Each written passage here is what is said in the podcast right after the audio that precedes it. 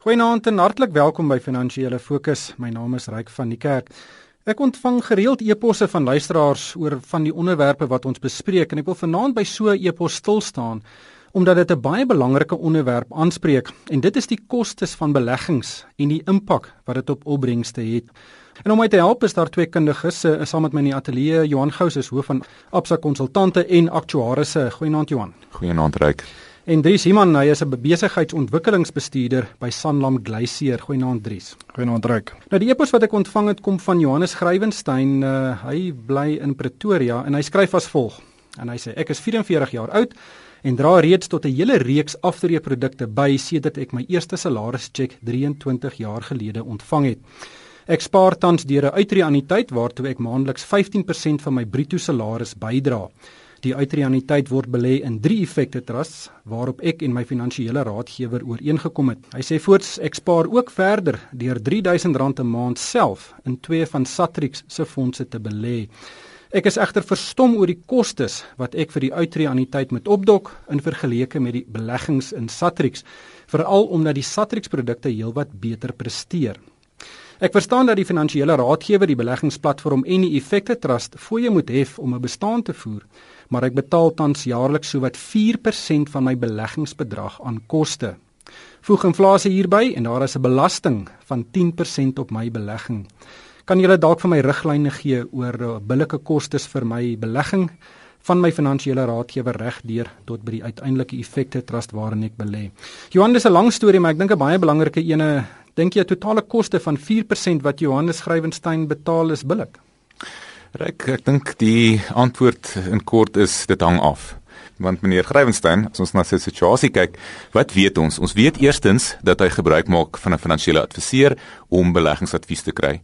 Tweedens weet ons hy maak gebruik van 'n produk om spesifiek te spaar vir aftrede in die vorm van 'n uittreeanniteit en daarvoor sal jy gewoonlik dan 'n platform administrasie platform nodig hê. En dan weet ons gebruik hy drie verskillende effekte trusts en dit klink of dit aktief bestuurde effekte trusts is. So daar's drie groot koste komponente wat hierdie 4% jaarlikse fooi dan verteenwoordig. As ons net gaan kyk rofweg dan 'n adviseur sal tipies vir jou sê nou omtrent 1% per jaar vra dierne advies te verskaf.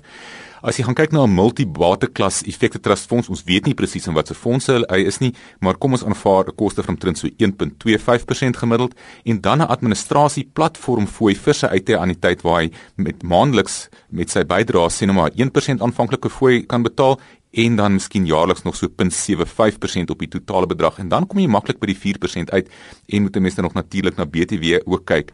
So ek dink hieso is die vraag wat ons uh, wat meneer Grywenstein dan vra is eintlik baie belangrik in terme van die feit dat ons moet gaan sê kom ons kyk watter koste elemente is betrokke en hoe moet jy te werk gaan om die mees koste-effektiewe manier te belê.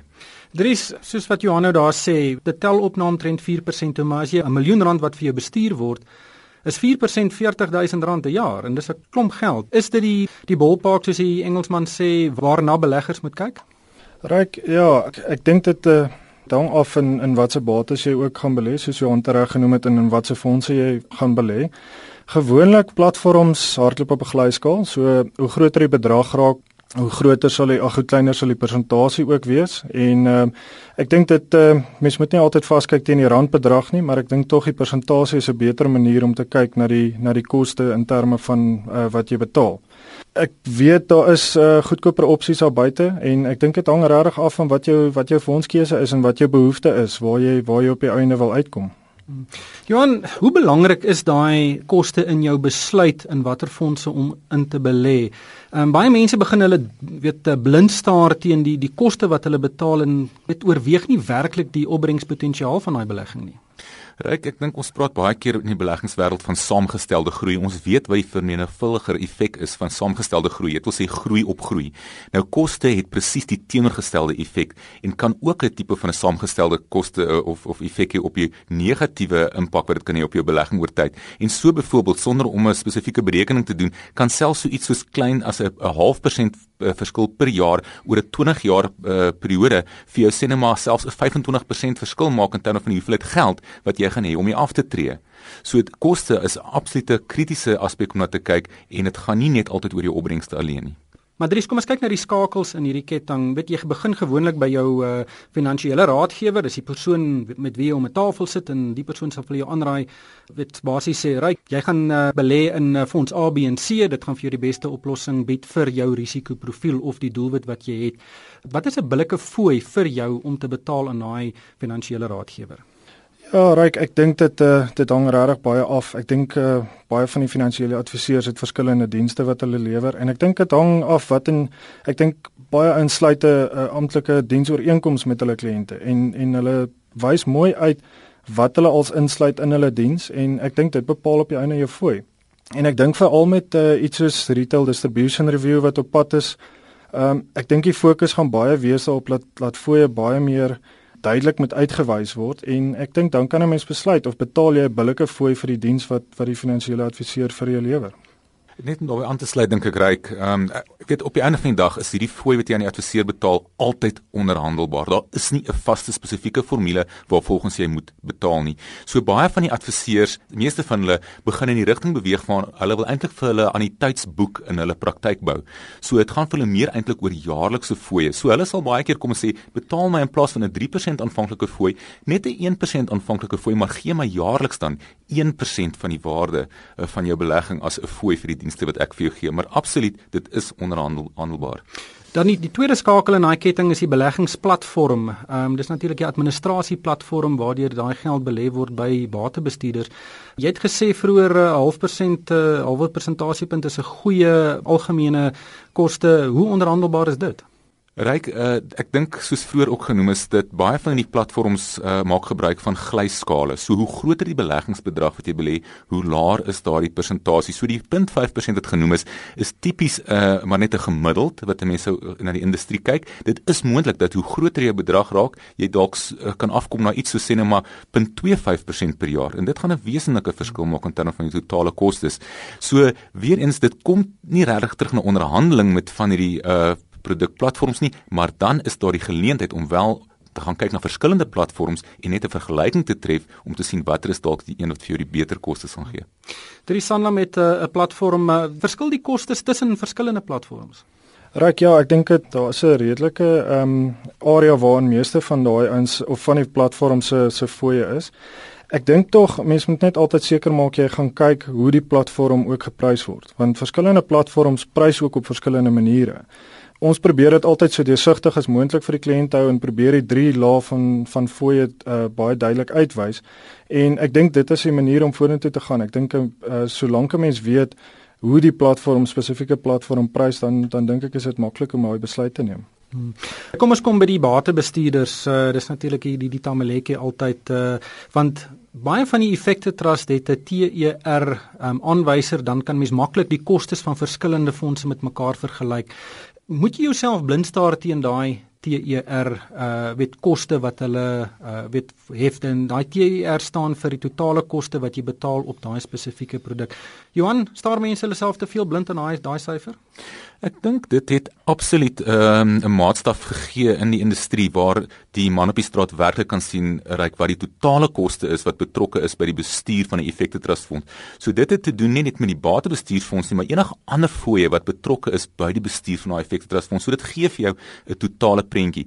Dan moet jy nog natuurlik jou adviseursfooi en platformfooi bytel, maar net om te bly daarbey, dit is 'n baie goeie standaard wat 'n mens vandag kan gebruik om 'n baie goeie 'n uh, soort met soort vergelyking te kan tref tussen verskillende fondse. Hoe, hoe verskil dit? Uh wat, wat is die laagste TER wat daar is en en wat is uh, aan die hoë kant? Watter persentasies is werklik hoog?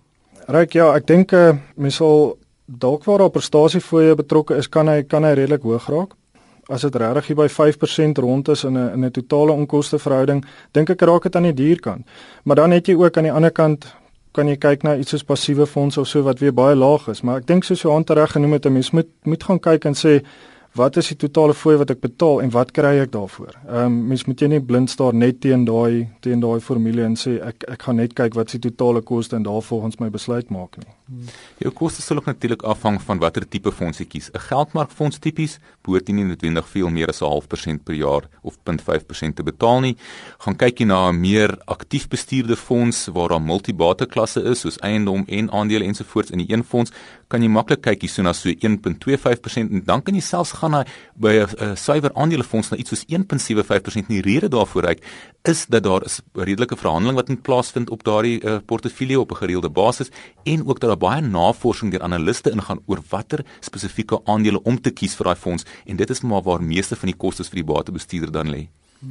Dries, uh, ek dink as ons terugkeer na Johannes se e-pos toe, ehm um, ek dink mense raak baie keer warm onder die kraag as jy betaal vir iets, maar jy dink nie jy kry die waarde daarvan nie. Nou hy belê in drie individuele effekte trusts wat swakker presteer het as as een van die van die Swatrix uh, fondse waarna hy belê het en uh, weet weet ek weet nou nie presies watter fonds hy in belê het nie, maar dit sal my ook 'n bietjie uh, kwaad maak as ek sien ek betaal 'n groot fooi vir aktief bestuurde fondse terwyl die passiewe fondse eintlik beter presteer het. Hoe, hoe moet hy daai situasie benader?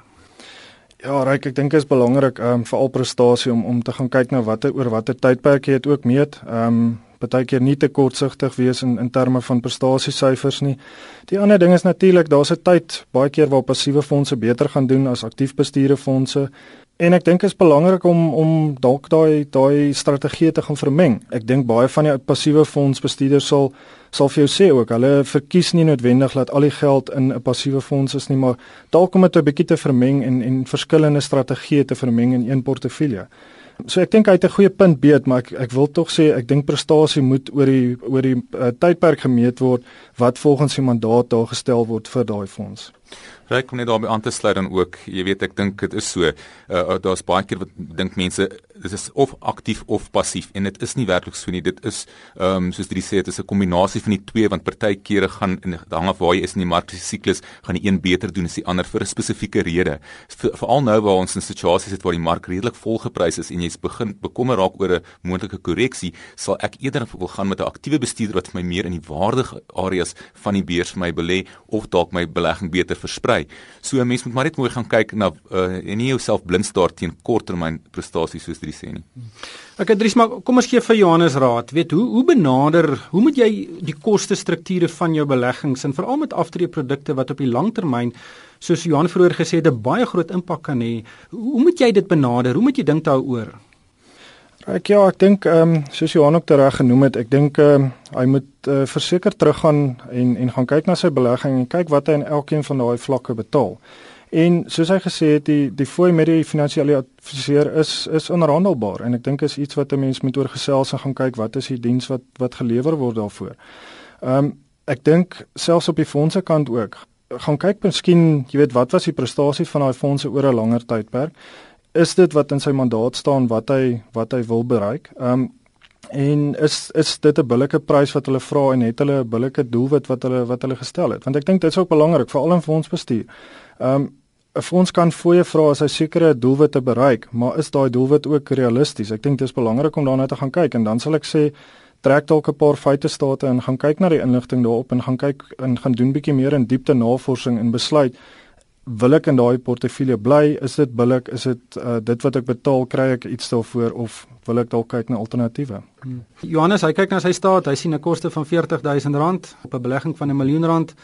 Dit is nie lekker om so 'n mm -hmm. groot bedrag te betaal nie, maar is dit maar wat dit kos of uh, kan hy iets daaraan doen? Ek dink daar's genoeg inligting vandag daar buite reik om behoorlike vergelykings te gaan tref tussen fondse, tussen platforms. Daar is op elkeen van die kos eh, elemente wat ons van gepraat het, is daar die geleentheid om dalk die kostes af te bring, maar dan wil ek weer eens sê, mens net partykeer besop want jy kry maar net waarvoor jy betaal en as jy vir die goedkoopste gaan, gaan jy dalk 'n duur prys in die langtermyn betaal. Ongelukkig hierdie tyd ons ingehaal. Baie dankie aan Johan Gous van Absa. Dankie Johan. Dankie Ryk. En Dries Iman van Sandam Glacier. Dankie dat jy ingekom het. Dankie Ryk. En van my Ryk van die kerk. Dankie vir die saamluister en ek hoop almal het 'n winsgewende week.